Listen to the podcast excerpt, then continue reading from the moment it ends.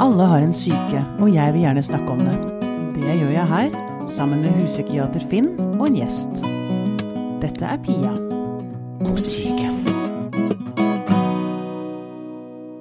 Har du noen gang vært alene i 50 døgn, Finn? Det har jeg definitivt ikke. Nei. Nei. Hva tror du den største utfordringen for deg ville vært? Nei, jeg tror nok utfordringen eh, helt sånn eksplisitt ville være en type ensomhetsfølelse, og at jeg hadde liksom gravd meg ned i grubling på en måte. Vonde, vonde tanker og følelser? Ja, det tror jeg. Ja. Vi har besøk av en helt i studio. Velkommen hit, Liv Arnesen. Tusen takk. Mm. Flott tittel, da. Ja. um, du er altså den første kvinne i verden som har gått alene uten støtte eller forsyninger til Sydpolen. 50 dager alene, 1200 km. I tillegg så har du padlet dette er bare no, et utvalg Great Lakes, Antarktishalvøya, klatret i Mount Everest, gått over Grønland, forsøkt å krysse Polhavet. Hva er egentlig galt med deg? du, er Ja. ikke, du er ikke sånn snill og pyntelig, sånn som jenter skal være. Nei, jeg tror jeg er egentlig van veldig vanlig. Det er det folk sier til meg når de, når de møter meg og vi snakker sammen, at du er ganske vanlig. Men jeg fikk da denne drømmen om eh, å gå på ski til Sydpolen etter å ha lest en bok om Roald Amundsen da jeg var åtte og et halvt år. Åtte og et halvt, ja. Ja. Du bar på, det, bar på den drømmen egentlig hele livet, da. Ja, egentlig. For at uh, faren min var litt sånn opptatt av uh, Tor Heyerdahl og, og, og sånne polfarere. Mm. Og jeg husker jeg så uh, dokumentaren om Kon-Tiki sammen med faren min da jeg var kanskje sånn seks-syv år. Og det er den første drømmen min jeg kan huske. Eh, og foreldrene mine har et bilde av meg hvor jeg lager sånn flåte utenfor. Og da skulle jeg liksom ut Du på Du laget flåte? ja, jeg er ute på alle verdenshav og møter negre hottentotter. Det handler jo ikke Kon-Tiki om i det hele tatt. Men ikke sant? når du er barn, så er det så mye rart som foregår oppi hodet ditt. Ja. Og den drømmen varte helt til, til, eh, helt til jeg ble sjøsyk for første gang. Ah. For jeg tenkte jeg skulle på flåteferd. Men, eh, og så var han er entreprenør, faren min, og så gjorde han noe reparasjon på Polhøgda, der Fridtjof Nansen bodde. Mm. Og broren min og jeg vi fikk sitte ved Nansens pult og tegne med hans penner. Og jeg husker fremdeles bildet av Eva Nansen oppå der. Og, og så, så gikk jeg hjem da, prøvde å lese på ski over Grønland med, med, av eh, Fridtjof Nansen. Mm. Men Nansen skriver ikke for barn, for å si det sånn. Oh. I hvert fall for tungt for meg. Mm. Så da gikk jeg på skolen dagen etter og spurte om de hadde en barnebok om eh, Fridtjof Nansen. Det hadde de ikke. Men de hadde en ungdomsbok som het 'På ski til Sydpolen med Roald Amundsen'. Så det var starten. Der var det gjort. Ja, Og så har jeg elsket å gå på ski siden jeg først fikk mine første ski. Ja, Så det var starten. ja nettopp. Du, Finn, hvor mye tenker du at det er altså blir sånne barnedrømmer? Du sa at det skjer mye rart i et barnehode. Det skjer mye rart og veldig mye fint, tenker jeg. Det er altså denne fantasiverden vi har tilgang til når vi er små.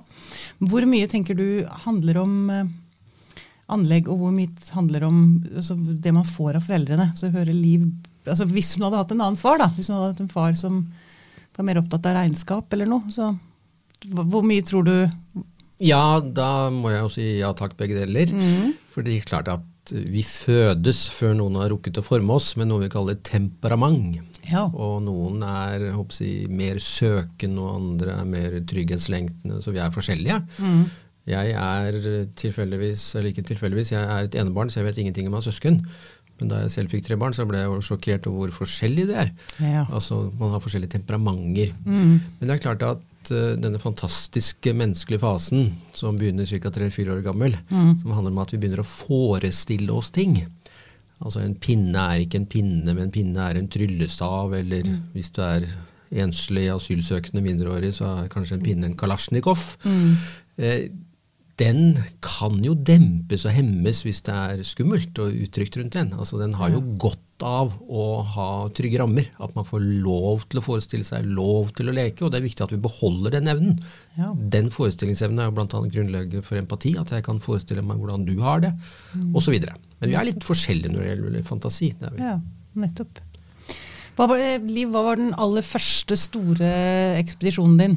Kan du fortelle meg om eh, hva som liksom Det var vel eh, da de begynte å gå på ski over Grønland, 100 år etter Fridtjof Nansen gikk på ski over Grønland, sånn på 80-tallet. Og da spurte jeg om jeg kunne være med noe av disse gutte-herreekspedisjonene. Hvor gammel var du? Nei, det var, altså det, Dette var i 88, så jeg var jo i 20-årene. Mm. Um, så, men jeg har jo alltid gått Altså, vi har hytte, hytte på fjell og mm. 1240 meter, og, så det er jo ganske Så jeg, så jeg, elsket, jeg elsker dårlig vær. Så, men, du så, er ikke normal, vet du. jeg elsker vind. Men, eh, men eh, så til slutt så skjønte jeg at jeg måtte lage en ekspedisjon selv av Ja. jenter. For du fikk ikke lov til å gå med gutta? Nei. Så de vil ikke ha med seg en jente. Da blir det ikke noe tøft, vet du. Dette, det, dette skal vi snakke mer om. Ja. Mm. Så til slutt så fikk jeg samle, for da jeg var turleder på Svalbard, så fikk jeg med meg Julie Maske og så to andre jenter. Uh, og så startet vi. Og så fikk vi en pitterakk, det er en storm med orkanstyrke. Uh, så vi satt to og to i pulker i jeg tror 17-19 timer hvor det raste. Og da var det nok en som fikk nok, altså mentalt litt uh, hadde det litt tøft. Og så fikk vi også bensin i maten etter den, den stormen. Så vi måtte snu. Og så når, mens vi snudde, da, da var det ikke liksom helikopter eller noe som vi måtte gå tilbake. Og da begynte Julie Maske og jeg. Hun har vært journalist i Fjell og vidde i mange år, så, og også turleder på Svalbard sammen med meg. Så begynte vi å snakke om at vi måtte tilbake da, Ja. året etter. Så vi gikk over uh, året etter, det to, Ja. to, uh, vi to. ja. Kan du beskrive hva det er som skjer med deg, eh, enten alene eller sammen med andre? Altså når, du, når du legger ut på en sånn ekspedisjon, hva, hva, hva er det som foregår inni hodet og inni, ikke minst inni sjelen din, liksom? Hva er det du Jeg er eh, veldig introvert. mm. Selvfølgelig blir man mer ekstrovert med årene når du holder foredrag og er lærer og sånn, men det er veldig mye som foregår inni hodet mitt. Mm, Det tror jeg på. Så, og så på Grønland så hadde jeg eh, lært, når jeg etter den, snakker om den 50 dager alene til Sydpolen, så hadde jeg lært å mm, For at når, du, når hjernen kjeder seg, det må Finn korrigere meg om det er riktig teori, så begynner ting å gå rundt og rundt. Enten får du en eller annen tanke som bare går rundt og rundt, men jeg får en melodi på hjernen. Og på Grønland så fikk jeg I Want To Ride My Bicycle av Queen. Og den er veldig vanskelig å gå på ski etter. Er feil rytme, liksom. Ja, og så kom Da greide jeg å få den ut. Og så kom den siste melodien vi naturligvis hadde hørt på flyet, og det var Lambada. Ja, og den er enda verre å gå etter. Så da jeg planla, planla turen min til Sydpå, tenkte jeg at eh, jeg må ha noe å fylle hodet mitt med. Så jeg hadde med lyrikk. ja. Så jeg leste litt lyrikk hver kveld. Og så gikk jeg på ski ti timer per dag. Så, og på ettermiddagen så blir det jo liksom Da, da er, du, er ikke så veldig kreativ, egentlig. Så da begynte jeg å tenke på det jeg hadde lest kvelden før. Og da går jo tanken i alle retninger, egentlig. ja. Men er jeg må bare spørre deg, da, Finn, om eh, er det sånn at når hjernen kjeder seg, så går den i ring? Ja, altså, jeg, jeg har veldig lyst til å si ja. Ja.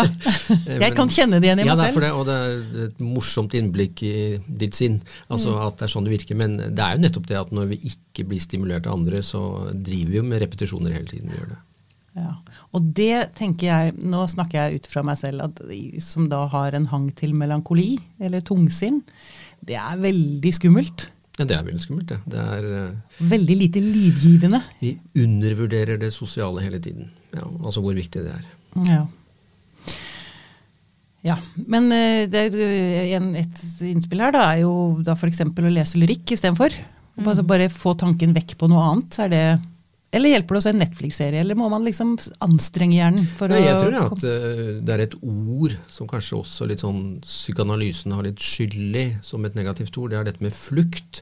Jeg tror at veldig mye ikke er flukt. Jeg tror det er smart å distrahere seg og sette ut på andre ting, om det er å Ja. lese lyrikk eller se Netflix eller Mm. Altså virkelig at man uh, sprer seg litt. Det er ofte veldig hensiktsmessig. Det betyr ikke at man stikker av fra det som er viktig. Nei, Det som er viktig, det får man doser store nok av. ikke sant. Det er lov å se Netflix, med andre ord. Ja. Det fine med Netflix er jo at det er jo noe som veldig mange to gjør sammen. Det er akkurat som en liten mor og et lite spedbarn. Ja. Eh, De driver med samseing. Ja. Ja. Da, det blir triangulering, det har jeg lært. Ja. Det er det tredje, tredje punkt man kan fokusere på. Eh, men Liv, det, så jeg har jo lest boken din 'Snille piker går ikke til Sydpolen'. Du har vel riktignok skrevet flere, må jeg, vet jeg egentlig at jeg har hørt. Men jeg har lest den i hvert fall. Men, um, og du er vel så vidt inne på det, um, for du kom vel inn i sånne tunge tanker også. Altså, du var bevisst på det før du dro, at det kunne komme? Jeg var, jeg var først bevisst på det da noen spurte meg hva hvis, eh, hva hvis, hva hvis det er noe du har opplevd noe som er barn dukker opp. Sant? ja. har, du, har du opplevd noe fælt eller noe sånt? Så jeg gikk jo til foreldrene mine og spurte har jeg opplevd noe fælt. De, Da jeg var barn? Noen mente at det kunne Ja, det komme kunne komme opp. Ah, De skjønte for først ikke spørsmålet, men så måtte jeg forklare det, så de bare, de bare ristet på hodet. Så, men så to, og, og da tok jeg det egentlig alvorlig, fordi at hvis jeg da fikk angst Fordi at jeg hadde opplevd angst en gang, for jeg ble tatt av sneras. Og da, og da øh, dagen etter, eller to, to dager etter, så var jeg en heis i Sandvika. Så da var det mye mennesker, så plutselig begynte sprett, altså svetten å sprute. Så det er vel det man kaller panikkangst eller et eller annet sånt. Men da tenkte jeg at det kommer av den der jeg, liksom jeg ble dratt ned i, i, i snøraset. Og da er det jo en, jeg tenkte at det er liksom lettelse å skjønne hvor angsten kommer fra. Så jeg gikk ut på gaten så tenkte jeg nei, jeg må bare gå inn i heisen igjen. Ja. Og så, og så av og til Så, så jeg kjenner at jeg har litt klaustrofobi ennå. Er det litt vanskelig å være i studio her? Eller Nei, nei, ikke i det hele tatt. Nei, nei, okay. Men eh, når det blir veldig mye mennesker, eller når jeg f.eks. var på Polhavet, hvor, hvor kom jeg ut av soveposen min? Så da kjenner jeg at, eh, at det trykker litt. Men, eh, men jeg, det er en, jeg tror det er en gave å vite hva det kommer av. Ja, det tror jeg. Men jeg tror også at du har nok et eller annet Altså, Jeg vet ikke hvor mange mennesker som ville opplevd det der klaustrofobiske følelsen i en heisen. Gå ut og så tenke at nei, jeg må inn igjen. Det tenker jeg, det er, eh, det er en ny måte å gjøre det på. Eller ikke ny, det er jo selvfølgelig kanskje den lureste. Det er definitivt den lureste. Men det er ikke mange som Nei, og, jeg- så noen trenger hjelp til å gjøre. Da heter det plutselig eksponeringsterapi og sånne fine ting. Ja, altså, man må gjøre det man ikke vil gjøre. Vi sier jo gjerne det at liksom hvis vi driver med unngåelsesatferd, da sier vi at da vinner symptomet. Ja. Antagelig så hadde jeg lest om det. ikke sant? Jeg hadde, jeg hadde psykologi litt på idrettshøyskolen. Jeg er veldig interessert i, i psykologi, psykologi og idrettspsykologi, så jeg hadde Ja. sikkert lest at dette er det beste å gjøre. Ja. Ja. Det kom, kom ikke av meg selv, tror jeg. Nei. nei, nei, men uansett, det er, det er tøft gjort, da. Um, jeg vet at du um, er opptatt av å gi unge bedre selvfølelse. Kanskje spesielt jenter. Altså, nå coacher jeg både gutter og jenter, eller ungdom, unge, ungdom da.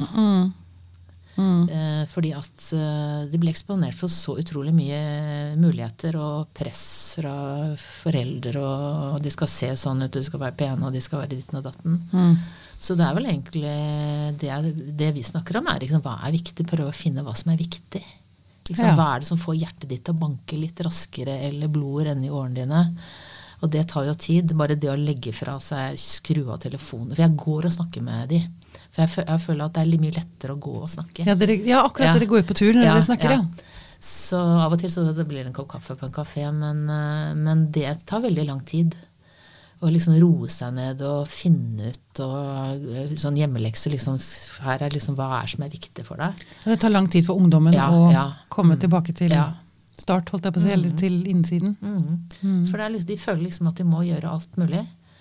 Eh, Og så er det, det kreves jo mot å si nei Ja. ja, fordi til eh, et eller annet, ikke sant. Om det er å være gjøre se Botex eller gud vet hva de holder på med, disse jentene. Og Mm. de skal, så det er veldig Så vi snakker veldig mye om mot også. Ja. Og så det å si nei, når man da har sagt nei, vet du, og så blir det sånn at de blir så glad. ja. Sant? Sagt, det har jeg, jeg har sagt ikke sant? Jeg får tekstmeldinger, ikke sant. Jeg sa nei! nei! Ja, det ja er, for du, eh, du sier at er, de føler at det er mye de må gjøre. ja, la oss, få, la oss ramse opp det. Hva er det de føler at de må gjøre? ja, de skal bare de, skal se, de skal være som vennene sine. De skal se bra ut. mm. De skal ha de og de klærne.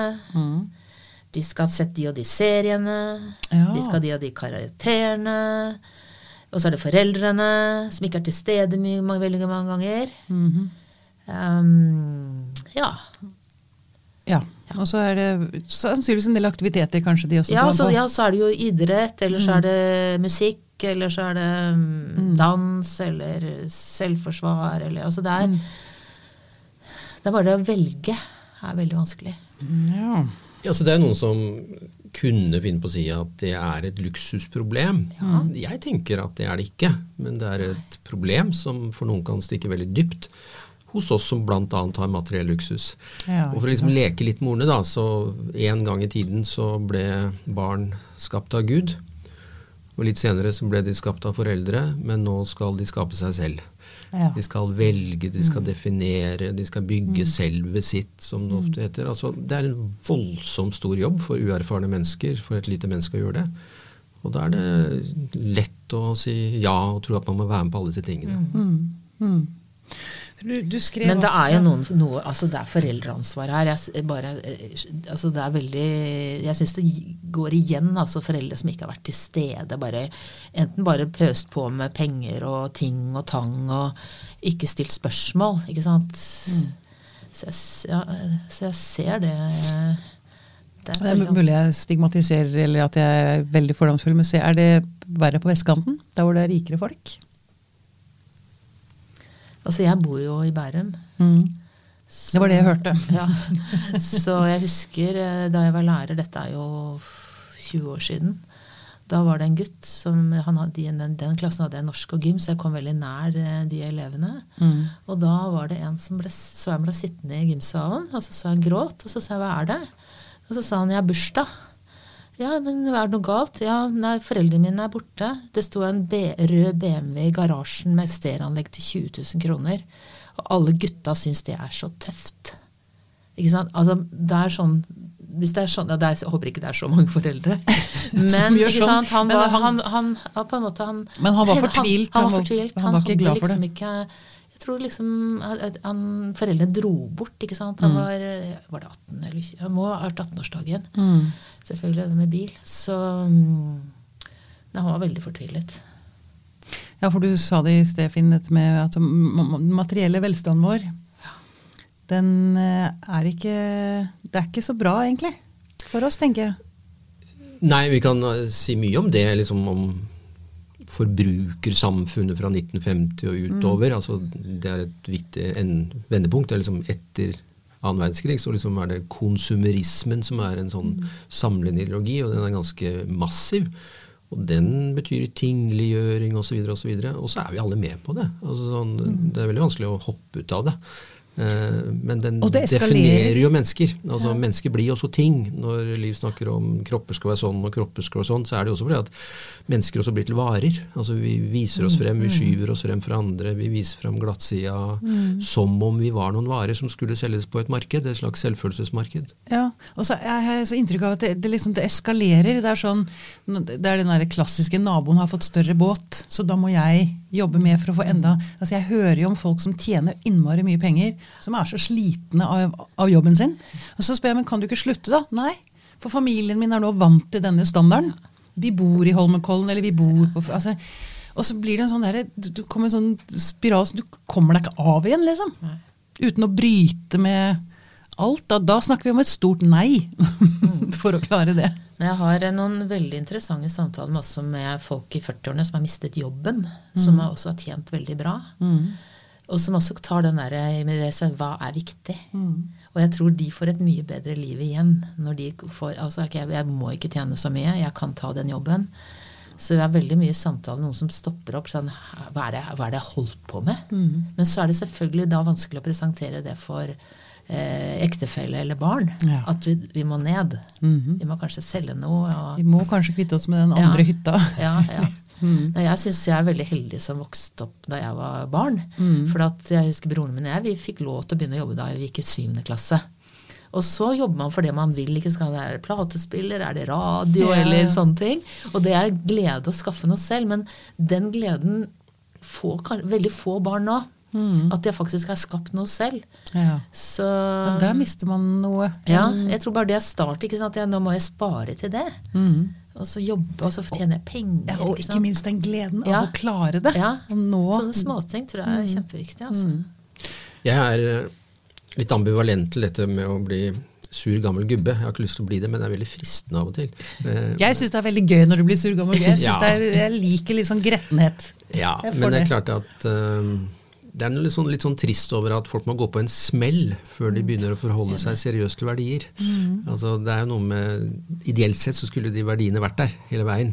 Men så må du liksom miste jobben, eller eh, du må ende opp i en skilsmisse, eller du må gå på trynet før du begynner å reflektere over hva som er verdt å ha med seg. Mm. Men noen lærer jo det, da, at liksom mye av det vi prioriterer er kanskje ikke så viktig. Det er ganske dypt og grunnleggende overfladisk, som det heter. Jeg har egentlig jeg har lurt på innimellom om ikke denne kloden, eller ikke kloden, men i hvert fall det vestlige, den vestlige verden, at vi hadde fått en sånn ordentlig økonomisk kollaps. Eller om vi hadde hatt godt av det. Bare for å liksom begynne på nytt igjen. det, hadde, det hadde vært sunt for oss. For det er, eh, jeg opplever at det er noe som er veldig, veldig gærent i måten vi ja, jager. Og jeg lurer på også om det er mulig at jeg fantaserer at det er litt sånn eh, Jeg bare tenker på sånn under krigen. Jeg opplever jeg tenker at samholdet blant mennesker var mye sterkere.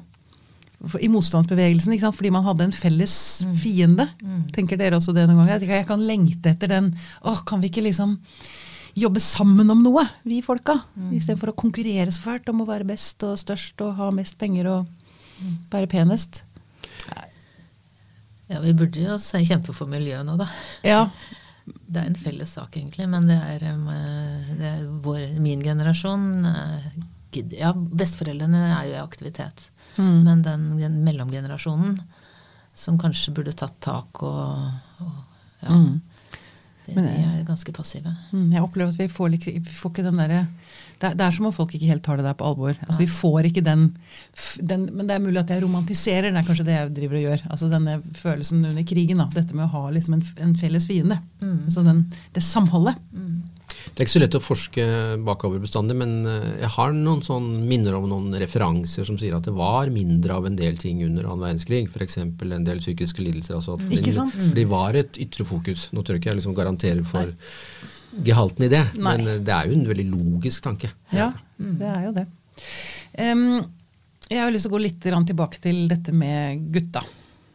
Gutter og jenter, la oss snakke litt, det er alltid gøy. Du, du skriver i boka di at uh, du, annen, et, du kjørte utfor et eller annet sted, og så var det en fyr i veien, og så ropte du 'løype'.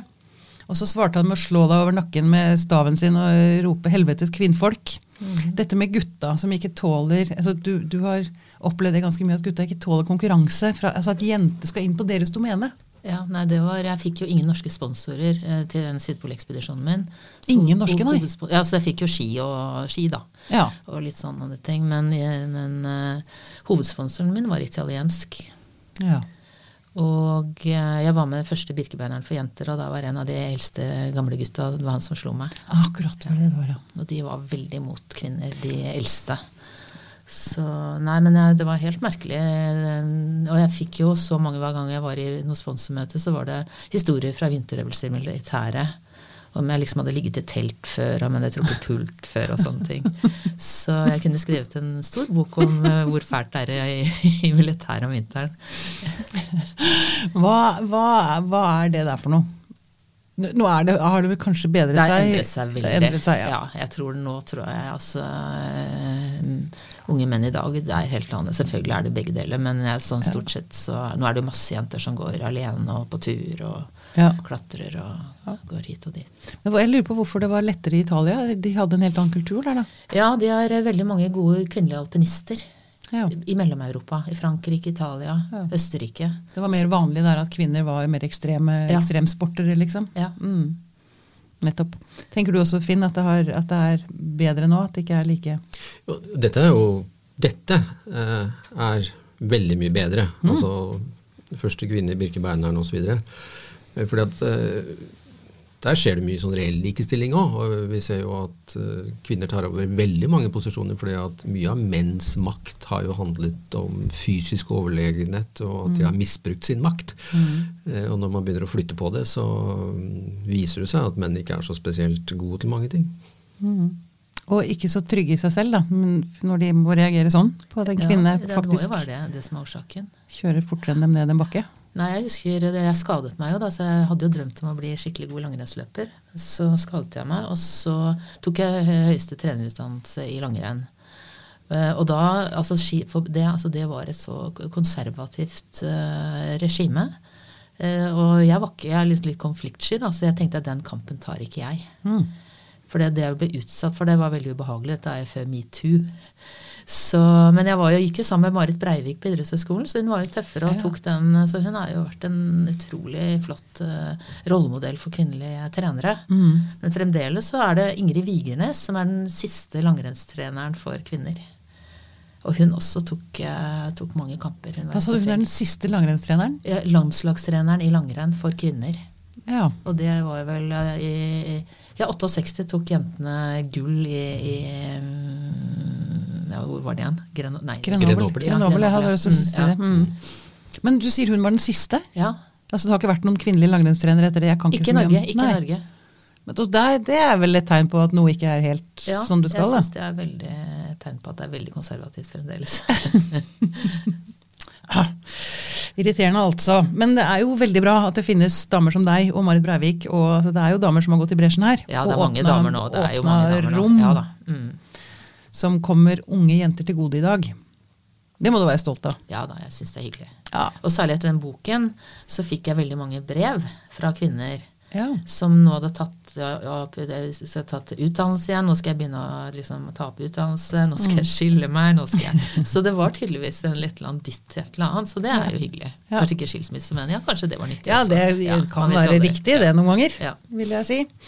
Um, så, eh, så, lurer jeg på en ting. Noe av det som fascinerer meg mest da, med dette, som jeg også kan lengte etter, det er denne du beskriver når du går da alene mot Sydpolen. Øh, øh, og den nærheten til både naturen og deg selv. Um, jeg bare, jeg visste ikke det. Religion. Du skriver øh, eller at det er oversatt direkte fra latin 're' tilbake.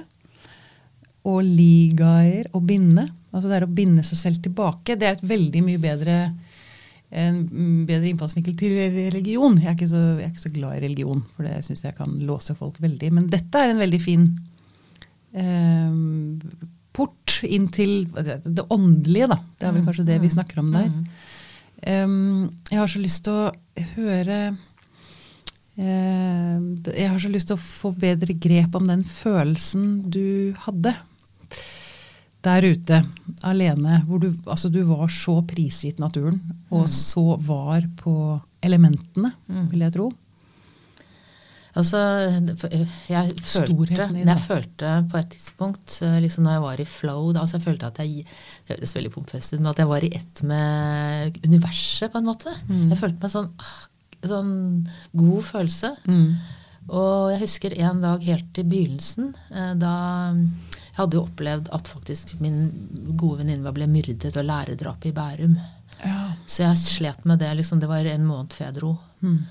Og så fikk jeg liksom jeg fikk liksom det tilbake akkurat da jeg startet, for det er så teknisk med ekspedisjoner og alt, detaljer og alt mulig sånn. Mm. Så jeg fikk en liksom sånn reaksjon på det akkurat i starten. Mm. Men så har du også tid til å reflektere, da.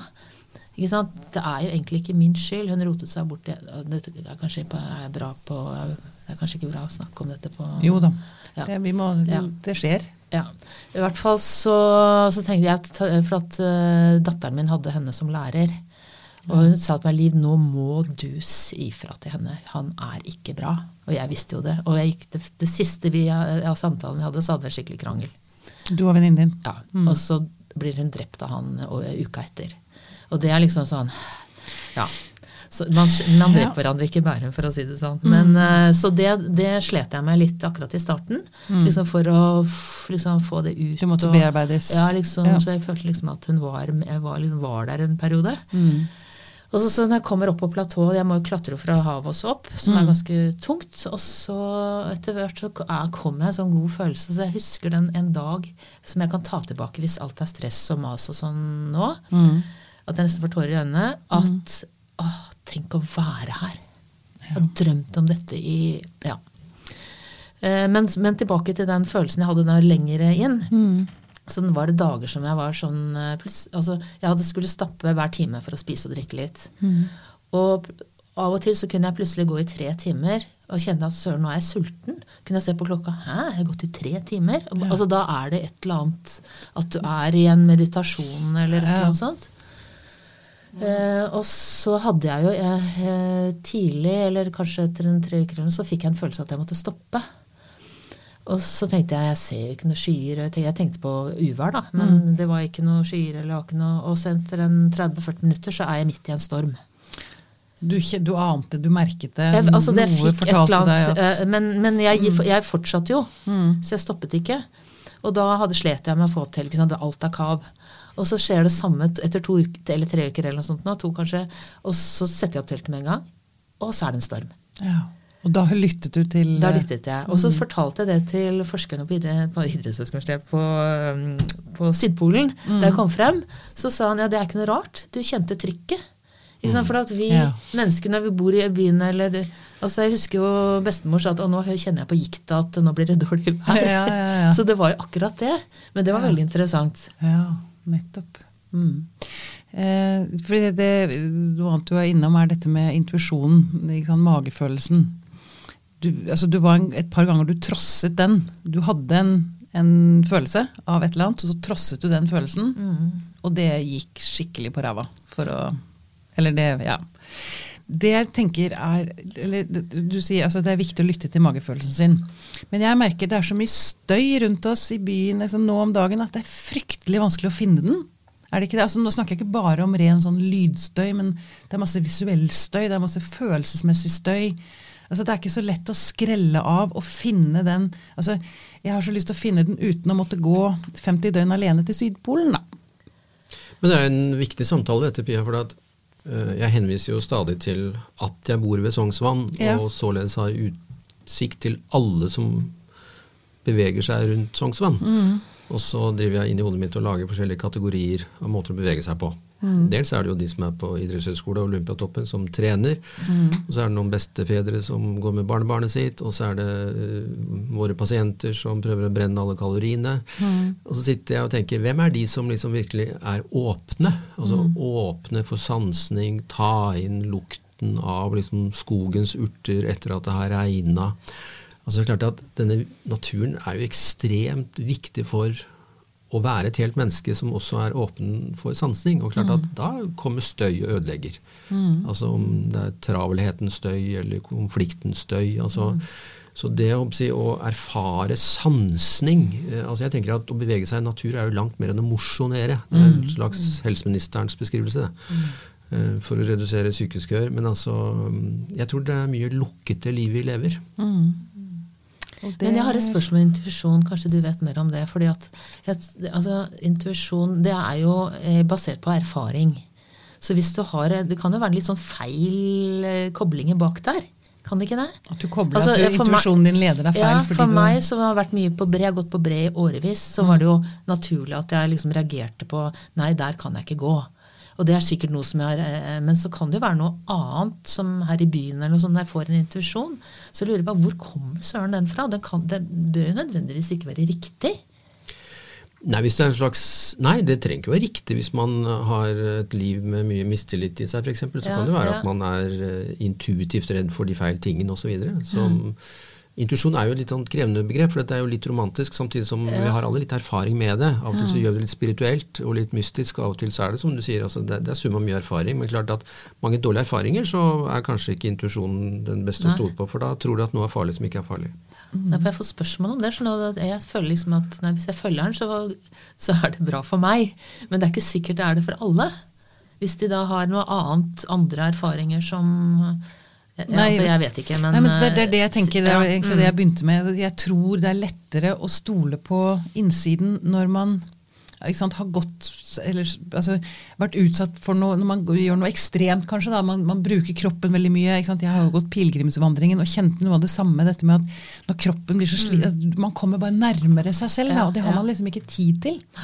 Eller vi har ikke rom for det eh, så mye, da. Vi har det, vet du. Ja, det er bare å legge gjelder en å- og gå en tur Ja. rundt Sognsvann eller i stien. Ta seg den tiden, ja. Ja, for det er jo det, ja, det er inntrykk at folk ikke gjør. Mm. De kan godt stå opp en halvtime før og gå et par eh, stasjoner til bussen eller trikken. Eller, det er liksom det å gå gjør jo noe. altså Vi bruker kroppen diagonalt. Mm. Da, i hvert fall den forskningen jeg har lest, nå har jeg en forsker ved siden av meg her, så, men da skjer det noe med altså, aktiviteten i hjernen.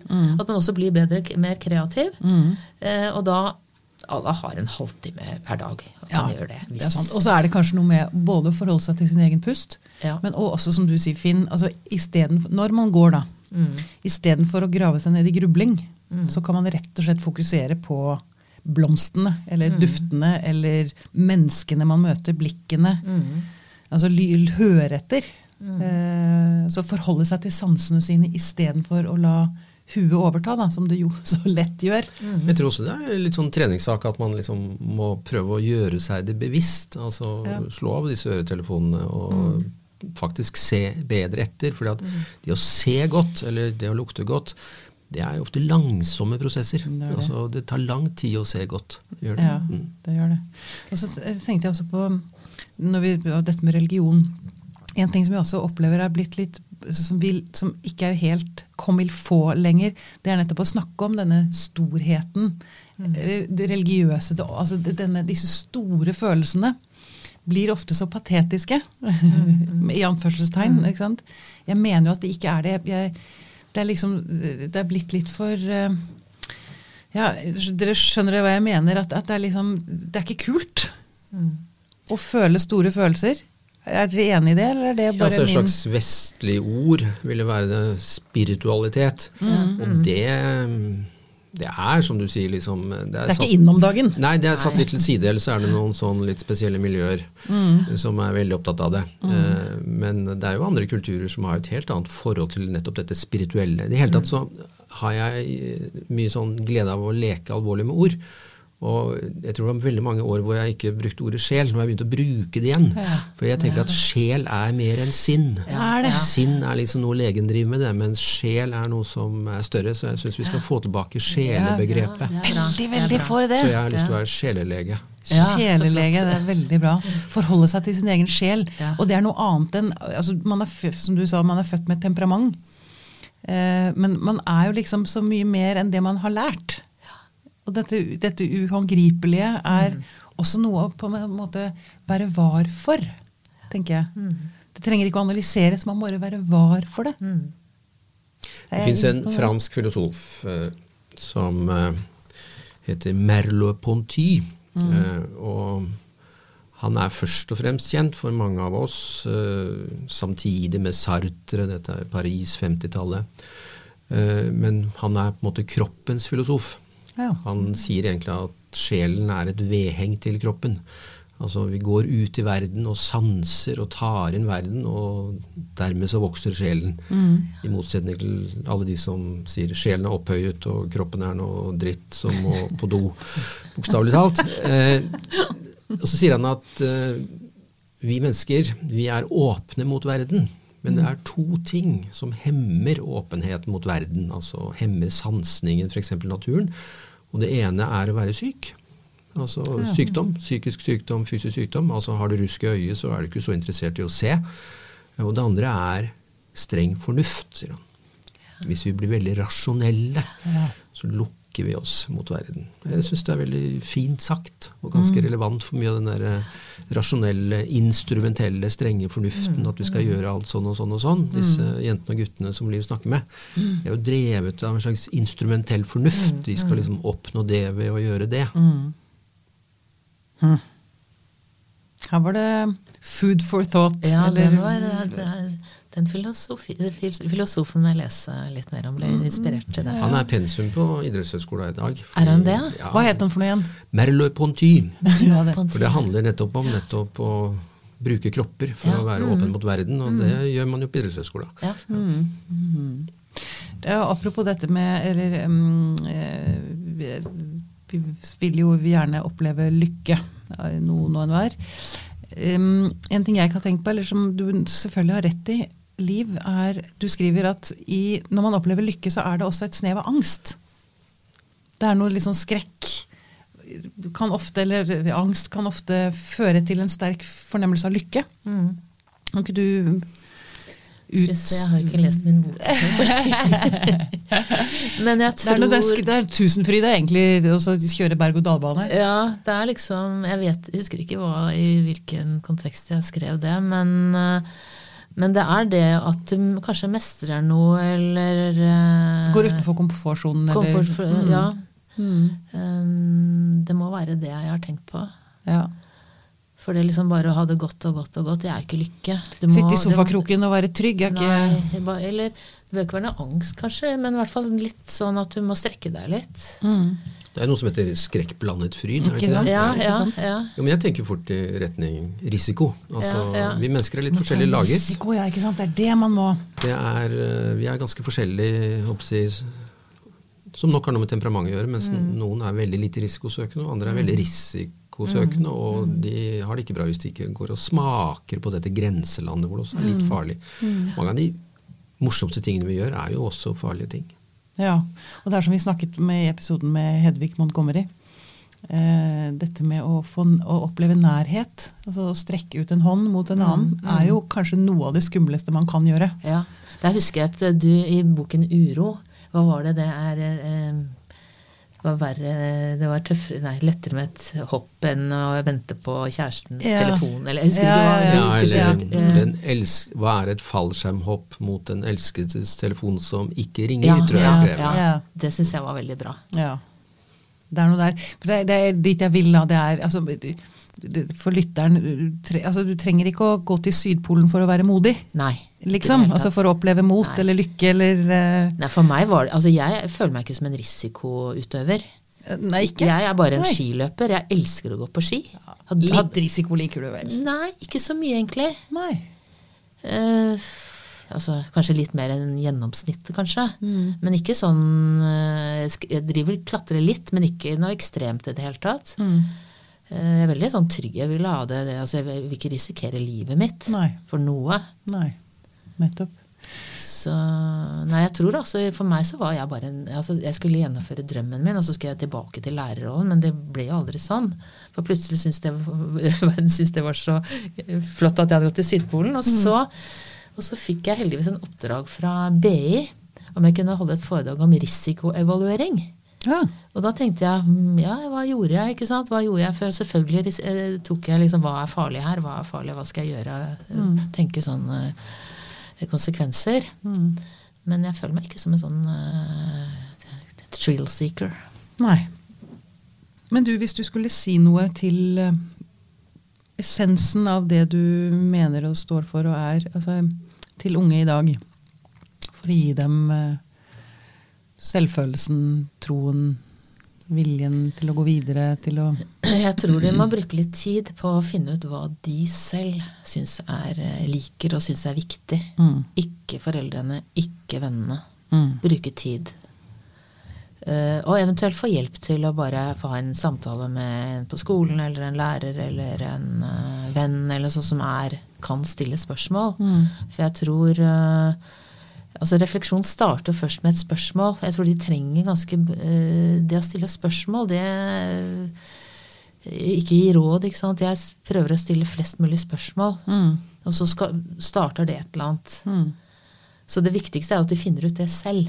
Ja. Ikke hva vi voksne tror eller syns er best for det. eller sånt. Mm. For at så lenge de, så at det er mitt, det er dette vil jeg, da tror jeg vi har kommet veldig langt på vei. Ja, det er jeg enig i. Så jeg, jeg tror da jeg holdt å si rådene, eller det vi har lyst til å Det jeg har lyst til å avslutte med, er man skal åpne seg mot verden. Men så skal man også åpne seg mot seg selv. Mm. For seg selv. Og det siste er jo enklere hvis andre er genuint interessert i deg. Ja. For hvis noen er interessert i deg av type foreldre, type lærere, at de er genuint interessert i deg, så kan du bli smitta, slik at du blir stimulert til å være nysgjerrig på deg selv og på verden. På verden. Ja. Og det er virkelig noe vi mennesker kan gjøre for hverandre. Altså om vi er voksne eller unge eller gamle eller barn. Mm. Være nysgjerrig. Ja. Mm. Og så må vi slutte å gi så mange råd. ja. Ja. heia filosofering uten klare svar med to streker under. Yes. Er du enig i det? Ja. Veldig bra. Liv Arnesen, tusen takk for at du kom til oss. Tusen takk for at jeg fikk komme.